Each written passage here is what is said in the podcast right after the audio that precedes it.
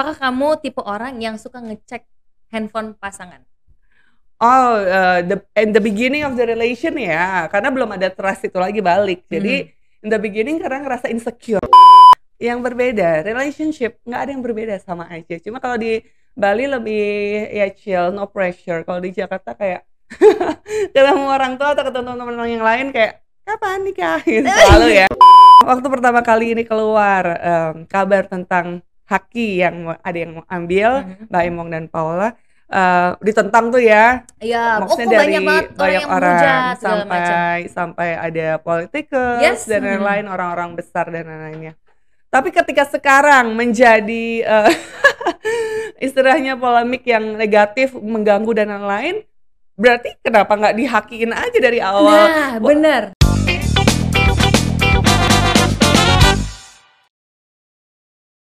Hai teman-teman semuanya, welcome back di M Sport Entertainment. Gimana kabarnya? Semoga sehat selalu ya. Hari ini gue kedatangan salah satu bintang tamu yang spesial banget. Uh, tinggi, cantik. Wow, nanti akan kita ngobrol-ngobrol lebih dalam karena sebelumnya nih ya, gue mau informasiin untuk teman-teman semua yang belum download aplikasi M Sport Entertainment, download sekarang karena dengan hanya membaca berita sport ya di aplikasi tersebut, kalian tuh bisa ngumpulin poin. Nah, poin itu bisa ditukarkan dengan merchandise keren dari kita. Jadi buat yang belum download, download sekarang terus jangan lupa ini penting untuk registrasi dulu ya. Jadi registrasi eh, data diri kalian, registrasinya juga gratis. Jangan lupa juga subscribe dan ikutin terus kita di channel YouTube kita maupun di Instagram di @msportentertainment. Alright, sekarang kita kenalan yuk sama Kamaria Selena. Hai. Hello. Aku how manggilnya Kak? I'm good. How are you? Good. Wow, No need kak lah ya. Ayo, oke langsung aja ke Maria ya. Maria, you you been I heard kamu pindah ke Bali. Yes, Itu sejak kapan? It's been like two years sejak pandemik lah ya pokoknya Sejak intinya oh, short story di Jakarta eh, udah banyak restriction restriction Iya. yang yang akhirnya tuh kita kepikiran ke- gimana caranya kita bisa tetap bisa eh, explore bisa tetap express di mana lagi kalau bukan bukan di Bali Betul. So, Tapi kan banyak banget nih your fans pasti nyariin di TV mana Bias- biasanya melihat Maria lalu lalang di eh, stasiun-stasiun TV. Tapi kalau misalkan pindah kota sebagai orang yang bekerja di entertainment, pasti hal itu akan menurun ya jadinya. Benar, ya udah dipikirin sih secara matang kayak konsekuensinya ya Mhm. pasti akan berkurang frekuensinya di dunia entertainment which is fine. Mhm. Karena eh, di Bali pun juga kayak oke harus ngerjain sesuatu nih, Iya. apalagi yang baru. Walaupun bukan di dunia entertainment, akhirnya eh, ya udah kita explore the business di sana. Oke. So ya eh, eh, own some business which Mhm. is eh, sekarang going great. Setiap eh, border juga udah balik lagi buka. Betul. Ya udah no complaint. Wow, jadi sekarang bisnis yang lagi digeluti apa nih di bidang apa? Eh, kalau di Bali ada bisnis di dunia eh, kecantikan ya Mhm. karena emang backgroundnya di situ so kayak nail salon, hair salon, terus Ya. eh, ada juga kayak eh, F&B juga di sana so That's ya. good, that's good. Tapi emang banyak ya artis-artis yang pada saat pandemi memutuskan untuk akhirnya pindah ke Bali. Tapi perbedaan paling signifikan apa sih dari kalau dibandingin ya dari tinggal di Jakarta dengan tinggal di Bali? Eh, kita nggak usah bicarain pandemik ya mau Ya. pandemik atau nggak pandemik emang udah total different Mhm. Eh, kalau ngomongin quality of life-nya sih ya. Iya. Kalau misalkan emang oke uh, looking for opportunities, job, career which is great Jakarta Mhm. ya, metropolitan. Ya semua big city lah di dunia Iya, ya, all benar, around the benar. world mau New York, mau mau Tokyo, mau Benar, Jakarta. benar. Tapi kalau Bali kan lebih laid back karena it's Is it more um, chill? chill, island life gitu. Jadi Mhm. competitiveness juga in every sector ya, nggak cuma Mhm. pekerjaan. Competitiveness kalau di Jakarta tuh apa ya? Mau em, dari appearance. Iya. Kalau cewek sesama cewek juga kan very Oh, competitive. iya. Padahal nggak or- kenal nih, saling Nggak. nggak kenal. Like Bener, you bener, don't bener. even know them. Tapi kalau lagi jalan ketemu di mall gitu papasan kayak "Eh, aduh kayaknya kurang ini apa ya?" gitu kan. Pokoknya mentalitinya tuh di situ. Mau Oh, itu bener, cewek bener. mau cowok juga ya. Nah, kalau di Bali tuh ya orang bodoh amat kayak Iya. I Eh, don't bener loh. care who you are. kayak kayak misalkan kita di shopping mall ya ngerasa nggak sih sebagai perempuan kalau misalkan kita ke mall tuh kayak harus dress up Iya bener kalau padahal cuma kayak- mau makan sushi ke sana kayak gak penting banget harus make up dulu segala macam karena Iya. bu- selain kita mau look good for ourselves kita juga pasti pengen dilihat orang lain Iya. good dong terutama Iya. sama perempuan Iya ada ada this kind of pressure yang sebenarnya walaupun kita juga nggak peduli amat sama penampilan, tapi Mhm. ketika kita keluar we're which is we're comfortable in our skin gitu kan we we look fine we uh, we feel fine we Mhm. feel good juga tapi ketika orang ngeliatin dengan kayak yang ih ini cewek kok pakai sandal jepit ke mall kayak. Gembel dari mana gitu kan tatapannya tuh di situ ada ber- tersirat Oh. sesuatu kan jadi kayak kitanya jadi nggak nyaman Benar So, kalau di. Bali sih kayaknya jarang ya Betul, karena kehidupannya gitu. lebih chill, kayak orang ke sana pakai short pants, pakai Sendal. sendal, secil even aku kadang-kadang naik motor nggak nggak pakai sendal karena Tuh, dari pernah pantai lo lihat Maria Selena naik motor Jakarta? Kan pernah, tapi di Bali dia secil itu, like Iya. everyone pasti naik motor nggak sih ke mana-mana? Iya. Apalagi Jak- eh, apalagi sekarang Bali udah mulai rame lagi ya macet kak. banget Macet banget. Aku terakhir minggu lalu ke sana like wow rame banget, udah bener-bener macet ke mana-mana udah susah karena udah dibuka lagi kan border so ya. Anyway kak, aku kita mau denger dikit dong cerita dari Kak Mariani soal modeling kehidupan modeling Mhm. waktu awal-awal kita tahu bahwa Maria Selena pernah ada di Putri Indonesia, terus di Betul. Miss Universe. Boleh diceritain nggak dulu Ya. akhirnya bisa terjun ke dunia modeling itu seperti apa? Ya pokoknya em, kalau sekarang kan banyak banget ya aku salut sama eh, anak-anak muda cewek-cewek sekarang yang me- memang mau mengikuti passionnya Yes. terutama di dunia modeling, mau dunia kecantikan Mhm. apa pun itulah. Eh, kalau waktu dulu sih kalau ngomongin aku, aku nggak terlalu into modeling and Oh. into beauty pageant Mhm. that time. Karena waktu itu karena aku kelewat tomboy, justru ditarik untuk eh, biar agak lebih cewek gitu ya Mm-mm, sama dress sama gitu ya my mom gitu jadi kayak oh ya kamu harus pakai heels pakai dress harus belajar makeup at least karena aku way too too boyish gitu terlalu tomboy jadi Hmm. karena main basket terus udah gitu ya naik motor-motoran mulu bergaulnya juga banyak kan teman-temannya Cowok cowok, ya. gitu kan eh akhirnya ya udah deh decide untuk eh, ngikutin memang kalau masih kecil kan kadang-kadang we don't know what we want Ya, gitu benar, kan benar. orang tua ngarahin ke ya hal yang positif kenapa enggak Mhm. akhirnya aku ikutin dan berbuah hasil di situ jadinya Iya. eh, kalau misalkan setelah Putri Indonesia itu banyak job-job modeling or dunia entertainment after itu sebenarnya pure karena aku ikutan Putri Indonesia karena nggak ada background sebelumnya di dunia modeling Karena justru. kamu sempat juga ikutan presenting gitu kan, Kak? after that ya after Mhm. Putri Indonesia eh, banyak banget opportunities akhirnya aku baru belajar learning by doing lah ya di situ setelah Putri Indonesia tapi kalau ngomongin kayak ke Miss Universe modelingnya sendiri eh, banyak juga jalan eh, beberapa di runway di catwalk itu ya karena eh, Putri Indonesia baru belajar di situ Oh, tapi akhirnya menemukan bahwa oh, actually gue suka nih di dalam dunia ini atau Actually not bad. juga? actually not bad ya maksudnya can survive lah ya Hmm. maksudnya eh, ya of course aku enjoy Mhm. waktu itu sampai sekarang juga kalau misalnya ada kayak eh, eh, ada kerjaan atau yang berbau-bau dunia entertainment atau dunia kecantikan, modeling dan lain-lain, I, I enjoyed it. Ya, walaupun nggak 100% ya, not bad. Not bad. Nah, dengan eh, Maria sebagai profesional model gitu ya, melihat fenomena yang sekarang nih lagi viral banget, semua orang membicarakan tentang Citayam Fashion Week. Menurut kamu tanggapannya gimana sih dengan adanya sebetulnya gini, dari segi keren nih kan banyak banget nih, keren orang tuh jadi fashion, jadi lebih fashion katanya ya kan, lebih Iya. keren dan dandannya segala macam. Di balik itu banyak juga polemik-polemik yang sekarang mulai timbul nih. Ya, iya benar. Kalau the first two days, three days waktu denger kayak, oh oke, wow, amazing gitu kan, Yeah. kayak dengarnya kayak, oh it's a positive thing gitu kan. Mhm.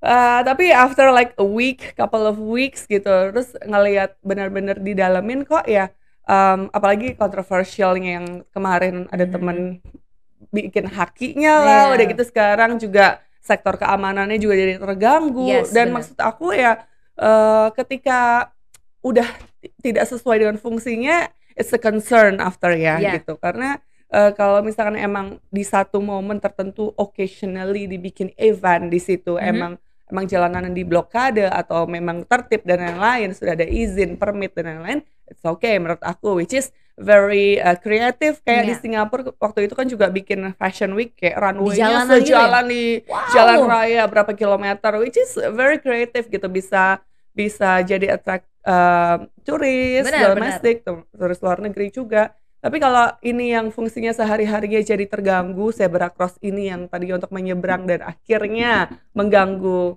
yang lain-lain ya sebenarnya sih udah nggak wajar ya Iya, jadi, Jadi harus, harus ada dievaluasi kontrol. lagi juga ya. Betul. Apa nih yang salah apa nih yang harus diperbaiki segala macam. Nah, tapi kalau tanggapan kamu sendiri tentang Haki yang sempat ingin diklaim saat Mhm. itu seperti apa? Apakah eh, memang seharusnya karena kan tujuan diklaim ini katanya untuk supaya bisa apa ya mensupport menjadi wadah ya Menjadi wadah. katanya secara legal. secara legal. Gini, makanya waktu pertama kali ini keluar em, kabar tentang Haki yang ada yang mau ambil, Mhm. Mbak Emong dan Paula eh, ditentang tuh ya. Iya, oh Maksudnya kok dari banyak banget orang banyak yang orang menghujat segala macam. sampai sampai ada politikus Yes, dan lain-lain orang-orang besar dan lain-lainnya.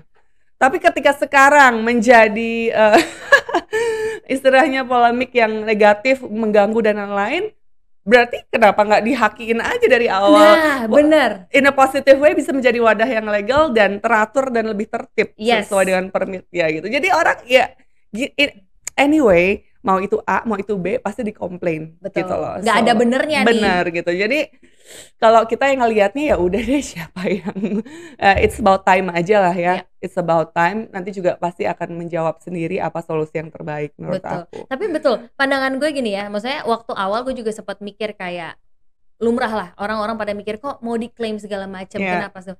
Tapi sekarang udah nggak boleh di jalanan itu, akhirnya pindah beberapa hari hari lalu itu di Kuningan, Mhm. di yang trotoar Kuningan. Kebetulan nyokap gue lagi di situ tuh kak, ya Oke. kan?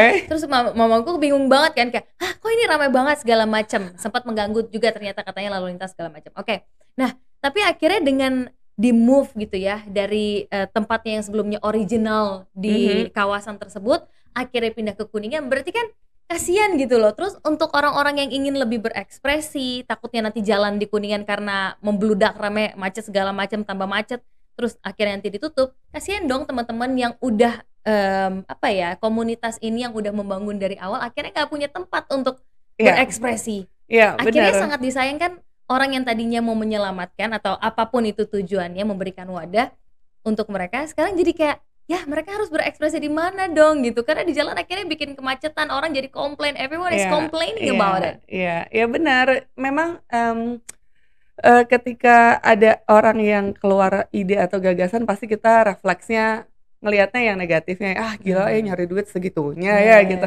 Kayak aku baca kayak created by eh, poor people, stolen by rich, Rich, gitu kan. ya. Pasti ngelihatnya selalu sisi negatifnya gitu kan. Oh apa-apa dikomersialisasikan segala macam. Tapi ternyata now Ya, we can see mungkin ada sisi positifnya juga betul, kan. ada So ya tergantung ini um, it's about time lagi-lagi ya karena ketika uh, the first month orang A sekarang B sekarang C. Ya kita lihat aja nanti siapa yang paling bisa bertahan dengan idenya dan bisa mengeksekusi dengan baik. Dan akhirnya secara wise ya secara Mhm. wise bisa um, uh, continue the Citayam Fashion Week lagi. Oke tapi kakak setuju kalau misalkan Citayam Fashion Week tetap berjalan? Di Citayam itu di Zebra Cross itu Hmm, yes kalau di Zebra Cross itu? Enggak lah enggak. Mengganggu. Cukup mengganggu ya? Enggak lah ge- gengges ah lama-lama.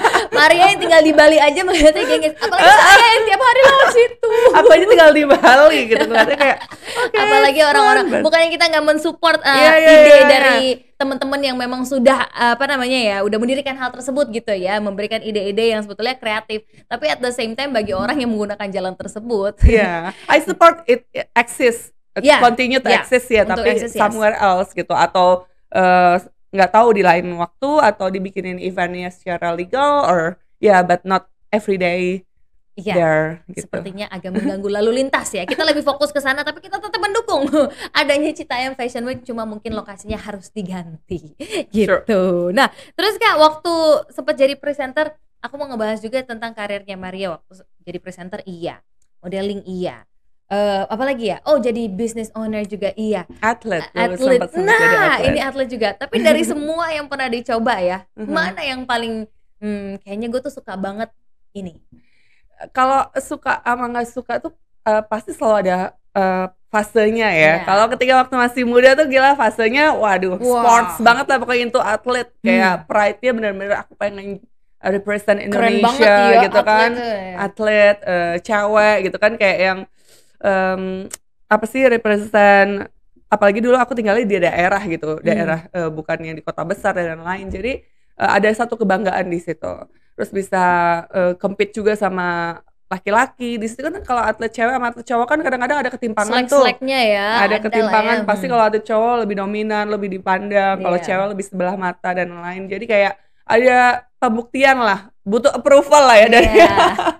dari sekitarnya untuk untuk bisa jadi yang top of the top. Hmm. Tapi akhirnya eh, fasenya udah lewat Mhm. ya setelah jadi atlet itu kan memang ya kita sadarin itu kan jenjang karirnya kalau atlet nggak lama ya mungkin umur 40 tahun aja sekarang siapa sih gitu kan Iya, yang udah 40 tahun tuh pasti skillnya bagus banget sampai bisa bertahan Iya, ya kan. iya, tapi kalau untuk prime-prime-nya kan pasti umur 20-an, 20-an. hanya 20-an Golden aja age. gitu. Jadi ya kalau sekarang ditanya mana yang paling eh, diminati ya kalau di fasenya yang sekarang eh, aku sih lagi eh, dunia entertainment which Mhm. is udah di 10 tahun terakhir ya menggeluti lumayan lah ke sana ke sini em, enjoy juga butuh juga banyak improvement yang banyak masih bisa dikerjain gitu. Cuma kalau eh, di fase yang sekarang after pandemic ini nih kayak em, reminder wake up wake up untuk wake up call untuk bikin bisnis sesuatu yang lebih besar lagi gitu. Oke. starting from Jadi now. untuk sekarang fokusnya lebih ke bisnis. Tapi Ya. aku mau bahas dikit ah, karena kan kita ini M Sport Entertainment ya, berbau-bau sport. Nah, ini dia. Kita akan ngebahas waktu eh, Maria ini sempat ikutan Women's National Basketball Mhm. League. Wow.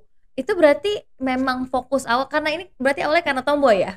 Iya dari Karena dulu tomboy itu memang pilihan jalan sendiri atau sempat disuruh orang tua juga untuk pilihan jalan sendiri karena di sebelah rumah itu ada lapangan basket. Emang aku tinggal 15 tahun di rumah di Indramayu zaman dulu di daerah.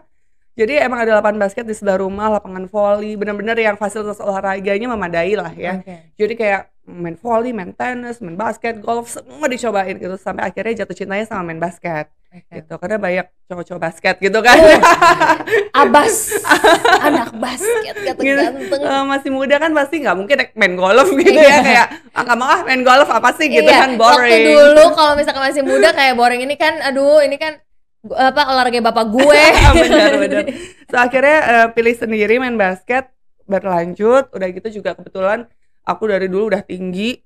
Jadi ya udahlah pas banget eh, diseriusin di latihan eh, pelatda ya pelatihan Mhm. daerah ikut pelatda pelatnas udah gitu eh, sempat berhenti karena ya putri Indonesia itu kan Oh, Jadi- jadi karena itu. karirnya ya maksudnya mm, SMP SMA kuliah main basket akhirnya putri Indonesia drop semua basketnya kan dan main cuma for fun aja tapi di Jakarta tuh ada kayak tim selebritis namanya Happy Ballers kemarin Mhm. kita juga baru dari Papua yang yang akhirnya aku eh, main bisa express gitu ya eh, main basket sama mereka Oh. dan kita banyak roadshow ke mana-mana for entertainment lah ya for Tapi itu entertainment jadi main purpose basket. Roadshow-nya tuh sambil main basket. main basket gitu. Jadi kita main basket sambil ngelawak di dalam lapangan basket gitu. Jadi maksudnya kita juga ada ko- kombinasi ya sama Iya. pemain pemain yang pro juga kita Hmm. ajak gitu beberapa kali. Jadi eh, entertainmentnya dapat, udah gitu sportsnya juga dapat, Keringetannya dapat juga. keringetannya juga dapat, funnya dapat. Jadi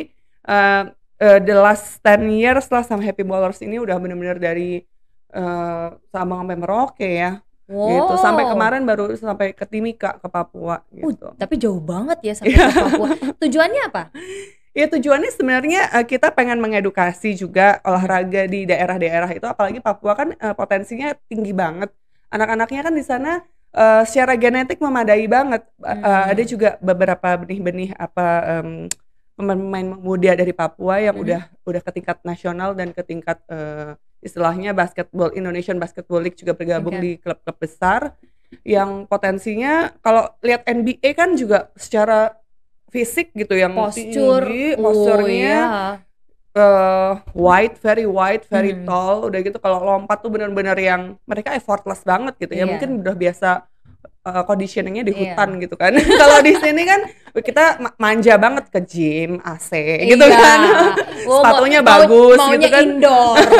kalau di sana bener-bener secara apa ya ya udah culture di sana tuh yang eh, bikin genetik fisik mereka eh, lebih di, di atas kita gitu jadi ya kenapa enggak untuk menyemangati mereka juga in a Hmm. way eh, motivasi kayak ayo nih kita jauh-jauh datang ke sini ayo eh, yang teman-teman Papua yang masih muda-muda mereka semangat lagi untuk eksplor eh, potensi olahraganya Iya khususnya benar, basket khususnya basket. banyak loh padahal perempuan-perempuan yang memang juga punya minat ya untuk jadi Ya. atlet basket wanita. Cuma memang kadang fasilitasnya kurang. Atau Ya. mungkin kalau yang di daerah masih bingung kali ya kak. Benar benar kayak, benar. What should I do? Gue pengen nih. Tapi gue nggak tahu caranya seperti ya apa benar gitu. benar benar. Nah terus waktu main basket sempat ada tentangan gak sih dari orang tua mama atau misalkan papa? Karena ngelihat kayak anak gue kan perempuan.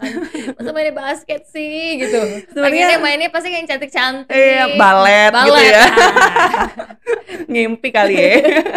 Ya dulu sempet worried cuma bukan bukan worried yang gimana sih karena mungkin juga ngelihat kalau dunia basket eh, masih inilah proper in a way kayak latihannya masih ada di gor Oh. udah gitu kalau misalkan jogging juga masih ada di track dan lain-lain ya itu yang bikin worried adalah ketika di daerah yang nggak punya fasilitas olahraga itu gitu kan mereka mau menyalurkannya ke mana Mhm. takutnya nanti malah melenceng jauh malah bukannya mau main tadinya mau main basket malah ke pergaulan yang aneh-aneh gitu iya, kan betul-betul. Jadi eh, ya butuh kontrol orang tua sih balik lagi kalau misalkan di daerah yang eh, apa namanya anak-anak mudanya juga Mhm. mereka antusias sama olahraga please jangan dilarang gitu Oke, apalagi karena kasihan gitu kan, sayang banget loh.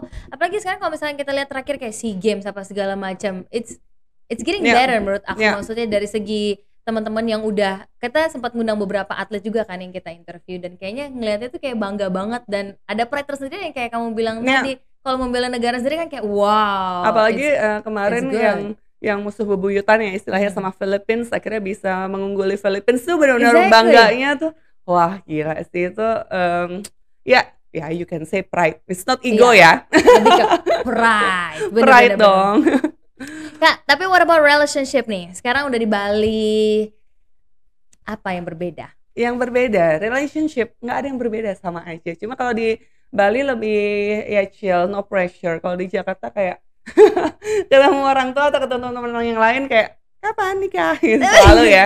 Tapi udah ada boyfriend? Udah ah, Oke. udah fiance. Oke. tapi tinggal di Bali juga. Eh tapi maksudnya aku tinggal di Bali dia kerja di Jakarta. Wow, jadi ya LDRan kadang-kadang ke Bali juga bolak-balik gimana rasanya LDR? Karena aku pernah LDR kayak nggak, aku I'm not a type of person yang bisa LDR. kalau LDR cuma satu negara masih oke lah ya Oke. udah gitu maksudnya juga ke- naik pesawat cuma kayak dua jam Iya, satu dua dua jam so it's not really LDR kalau LDR beda negara itu mungkin is a, ya tough one Tapi aku LDR tau gak Mbak? Jakarta Sentul, lebih dekat lagi. itu LDR Itu LDR menurut aku, for me itu LDR ya. Don't judge me. oke tapi kalian ketemunya berapa kali Cuma- seminggu Weekend doang. oh my god which is still fine Tapi nggak bisa kayak gini loh. Aku tuh tipe orang yang kayak kalau dia nggak present, apa sih bahasanya kayak dia nggak hadir, nggak ada gitu ya, Mhm. atau nggak deket, kayak some- something is missing. Kayak aku bukan tipe orang yang bisa LDR. Berarti kamu bisa ya? Em, bisa sih, no way, karena harus balance semuanya ya. Mhm. Selain sekarang udah ada video call juga, Iya. eh, LDR tuh kalau misalkan ada yang mereka bisa kayak berbulan-bulan gak ketemu, tapi video callannya tuh kayak nggak ada limitnya juga gitu, kayak nggak ada boundaries. Kayak lagi tidur pun bisa video callan. Ada nggak sih kayak gitu? Yang kayak apa sleep call, sleep call apalah Iya, itu. udah gitu kemarin aku juga lihat temen aku adalah salah satu main basket gitu lagi stretching tetap video callan tuh kayak Kok bisa sih? nggak gitu juga sih LDR yang namanya LDR nggak gitu juga jadi maksudnya ya balance aja ya maksudnya mau LDRan kalau nggak ada boundaries juga nggak nggak nggak oke juga Iya, benar. menurut aku tapi juga kalau LDR tuh sama sekali nggak keep in touch dan jarang ketemu juga kayak nggak bisa juga gitu jadi ya about balance sama trust sih ya kalau LDR Sama trans. tapi trust itu kan we cannot give trust you need to earn it yes. Nah, jadi kalau misalkan LDR dari the first month udah LDR ya susah. You need to build dulu this trust, which is take Oh. times, ya kan? To build this trust. Baru ketika di tengah-tengah relation kamu LDRan, oke lah fondasi kamu udah tuh kuat gitu, udah ada trust to each other. Oh, oke. Jadi itu tipsnya ya. Jangan tiba-tiba langsung LDR, baru Menurut aku jadian langsung LDR. Ya, Tapi I itu make it's- sense. Tapi itu make sense karena kan kita butuh pengenalan dulu ya, Yeah. lebih dalam untuk tahu karakternya seperti apa Yeah. dan lain-lain. Nah, dari em, dari tunangan sebelum tunangan, pacaran berarti berapa lama, Maria? Pacaran eh, ke tunangan itu sebenarnya cuma enam bulan. Oke. Dari enam bulan ke sekarang udah tahun keempat ya baru LDR gitu istilahnya. Tahun keempat baru LDR. Uh-uh. Wow, udah lama, udah Gitu. lumayan lah ya. Udah paham karakter. Iya, jadi udah masing-masing. ada fondasi lah istilahnya Iya. untuk trust Nah, each other. Aku punya pertanyaan. Ini mungkin em, cewek-cewek bisa ini woman talk ya. Are you a type of person? Apakah kamu tipe orang yang suka ngecek handphone pasangan? Oh, uh, the in the beginning of the relation ya, karena belum ada trust itu lagi balik. Jadi in the beginning karena ngerasa insecure. Biasanya orang yang suka ngecek-ngecek handphone itu Ha, insecure cewek-cewek insecure ya. Ngecek anyway kayak galerinya gitu udah pada dihapusin belum yang dulu-dulu gitu kan. Oh iya bener-bener. bener. Nah, heh, udah dihapus belum kalian? Kadang-kadang masih mantan di, suka ini sama dia dicetak kak taruh di dompet. Oh, udah udah dihapus tapi dicetak ternyata di rumah ya. Aduh, kadang-kadang suka di hidden gitu kan Oh atau iya. Dia banget nih. udah gitu ya kalau misalkan kalau eh, chat-chat yang masuk dari upcomingnya sih kalau itu nggak perlu dicek sih kalau aku menurut aku ngelihat dari gelagat aja ya di Oke. eti- Oh, apakah pada Behavior. saat sama kita dia sibuk main handphone? Iya, tapi kalau yang dari dari pas yang Hmm. yang yang dari pas kan we cannot control Iya, their bener. past, his Mhm. past gitu. Jadi ya adalah insecure di situ. Cuma kalau yang eh, ngelakuin yang saat ini dan ke depannya itu kan tergantung kitanya juga gimana Oh ngelihatnya. iya bener-bener. Biasanya kalau misalkan di galeri fotonya nggak ada, tapi ada di Google Drive. Itulah, itu dah. tapi dulu I'm that type of person loh. Dulu du, em, awal kayak awal-awal pacaran deh, eh, mantan pertama dan kedua. Aku tipe yang sangat super insecure. Hmm, Tapi akhirnya aku mereflect bahwa ya I- something is missing with me. oke. Jadi instead of developing myself, Ya. aku tuh cuma fokus ke kayak gue jagain pokoknya mantan gue ini kayak nggak boleh ke mana-mana apa segala macam gitu kak so Iya I felt benar. a lot of insecure kalau sekarang pas ngelihat ke belakang ya pas ngelihat ke belakang masa-masa itu kayak gila capek banget. Karena aku pernah ada di Hmm. fase yang besok pagi itu aku sampai nangis karena kayak saking aku insecure, Insecure. tapi karena gue nya paham gak sih Iya, kak? iya. Kadang-kadang bukan dari cowoknya, malah justru kitanya Iya, aja yang kita yang insecure. kebanyakan pikiran. Tapi pas look back kayak wow gila. Itu exhausted sih. Itu capek guys. Like itu capek loh ya kan perempuan gimana Karena perempuan tuh emang basicnya overthinking kan, Iya. apa pun itu, mau itu kerjaan, mau itu relation. Jadi kadang-kadang yang nggak ada tuh diada-adain, Iya. gitu kan perasaannya. gak ada dia ada adain tapi kalau kita lagi diem di rumah ya nggak sih lagi Iya, nggak ngapa-ngapain itu berarti eh, intinya kurang kerjaan kali Itu kita kurang ya. kerjaan. Terlalu banyak overthinking itu benar jadinya. makanya number one adalah sibuk apa ya Iya. carilah kesibukan untuk benar. diri sendiri karena Iya. ketika lagi nggak ada kesibukan kayak thoughts kayak apa ya eh, pikiran yang aneh-aneh itu muncul gitu loh bukan cuma untuk pasangan ya tapi hal lain pun juga kayak Iya. gitu Iya. gitu kalau di Bali nggak perlu lah ya kan pusing dikit ke pantai Pantai, kemudian teriakku gitu ya. Aku lari ke hutan. keteriak ya ampun enak banget ya kalau tinggal di Bali ada nggak di sini mau tinggal di Bali juga kamu Ibnu jangan dong. Nanti siapa yang edit video kita? Udah kamu sini aja. Nggak usah aneh-aneh. Terus jadi kapan untuk pernikahannya? Tuh kan? Pertanyaannya. Keluar akhirnya nih, keluar. Baru tadi di eh baru tadi dikasih tahu ya. Tapi tapi kak sebetulnya ya menurut aku ya kalau misalkan eh nggak tahu ya. Ini ini pribadi ya. Kalau pribadi aku tuh tipe yang kalau misalkan engage itu tuh udah serius banget menikah tuh ya gampang lah gitu gitu Iya, Kak. iya, bener. Maksudnya eh, menikah tuh bukan jadi goal lagi ya. bener Karena goalnya adalah s- eh, serious relationship gitu Iya. kan. Walaupun ada kok yang juga belum ke tahap engage atau sampai menikah, tapi ketika mereka menjalani satu relation ya mereka emang serius, just nggak nggak macem-macem gitu Mhm. ya. Jadi eh, banyak juga yang udah menikah tapi macem-macem juga Iya, kok. Ah, nah. gitu. Jadi kan jadi berarti engage, untuk untuk apa ya? Untuk mengikat sebuah hubungan kayak eh ini loh kita next step gitu ya. Iya. lebih serius. Tapi Iya. menurut aku aku setuju dengan orang-orang yang bilang ya belum tentu nggak tahu ya ini nah, gue takut dibully gue nggak nggak. Tapi kalau misalkan aku kalau misalkan udah engage bukan berarti terus harus menikah. Ah, iya nggak sih kak? Do- do you get the point? Iya, kayak iya, I I don't think harus menikah. Karena menurut aku tuh udah kayak wow udah serius terus serius banget gitu. And it's gonna be kayak involving keluarga. Itu kan akan menyangkut keluarga segala macem. Dan mungkin takut gagal kali kalau saya ya kalau saya saya takut- insecurity lagi. ya. Aduh. gagal. Siapa sih nih yang nyakitin nih Iya. dari tadi? tapi akan atau tidak? Kalau dari Iya, Your- kemarin sih ada. see you see yourself untuk menikah? Kemarin sih ada plan ya, ada plan sempat uh, postpone karena pandemik gitu. Jadi kan keluarganya kan yang nggak ada di Indonesia yang nggak bisa datang Mhm. ke sini gitu. Um, dan mereka pun kayak yang kalau di luar negeri tuh restrictionnya bukan yang kayak di Indonesia yang oke ke mana-mana nggak bisa kalau nggak vaksin nggak bisa nggak bisa ke mana-mana. Mereka sampai sekarang pun ada yang belum vaksin gitu. Jadi Iya. ya eh, balik lagi eh, kalau bikin plan pun kendalanya itu sih Banyak gitu. kendalanya Keluarganya eh, berhalangan ke sini. Oke, tapi bener banget. By the way, gue pernah ditolak waktu itu lagi ke mall ya, salah satu mall di Jakarta Utara. Eh, itu Jakarta Utara bukannya? Kayak barat deh. Anyway, anyway. Blak, CP. Mana. Central Park? Iya.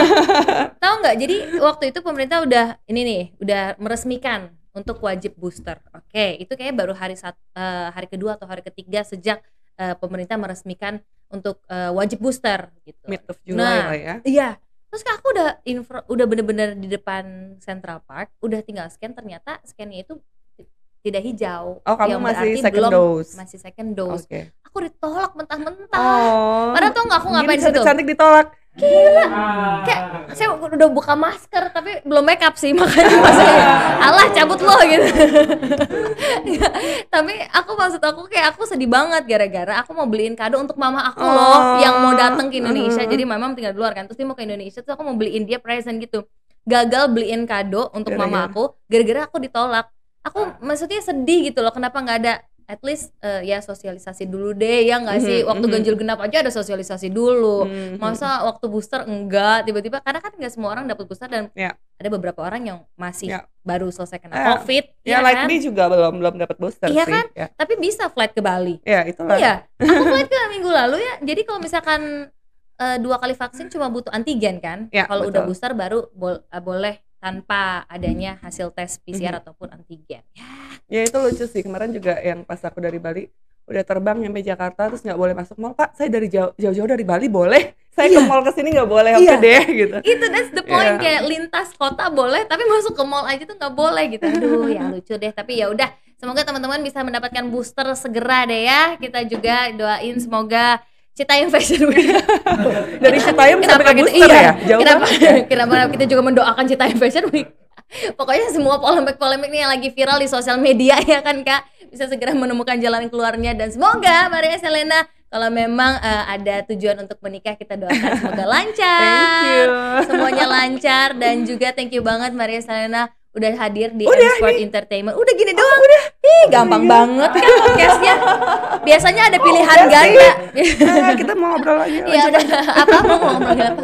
Nanti akan ada satu segmen ya, satu segmen namanya em, question of life di mana nanti kita akan tanya-tanya Maria Selena dan harus dijawab dengan cepat dan juga jujur. Anyway, thank you so much sudah main ke sini. thank you Yes, thank you. Dan buat teman-teman semuanya, jangan lupa download M Sport Entertainment. Kita juga mengadakan giveaway. Nah, giveaway-nya ini kita akan bagi-bagi di semua platform social media M Sport Entertainment. Jadi untuk informasi lebih lanjut, lebih komplit, lebih jelas, kalian bisa langsung follow Instagram kita ya di @msportentertainment. Kita juga ada podcast nih yang membahas tentang road to uh, Piala Dunia tahun ini. Jadi buat teman-teman nih yang pengen tahu ya seperti apa, kita kulik informasi-informasi dari tim-tim per grup nanti yang akan bertanding di Piala Dunia tahun ini. Jangan lupa saksikan podcastnya hanya di M Sport Entertainment. Anyway, Natasha Jeremania pamit. Sehat selalu, sampai jumpa di video podcast selanjutnya. Bye.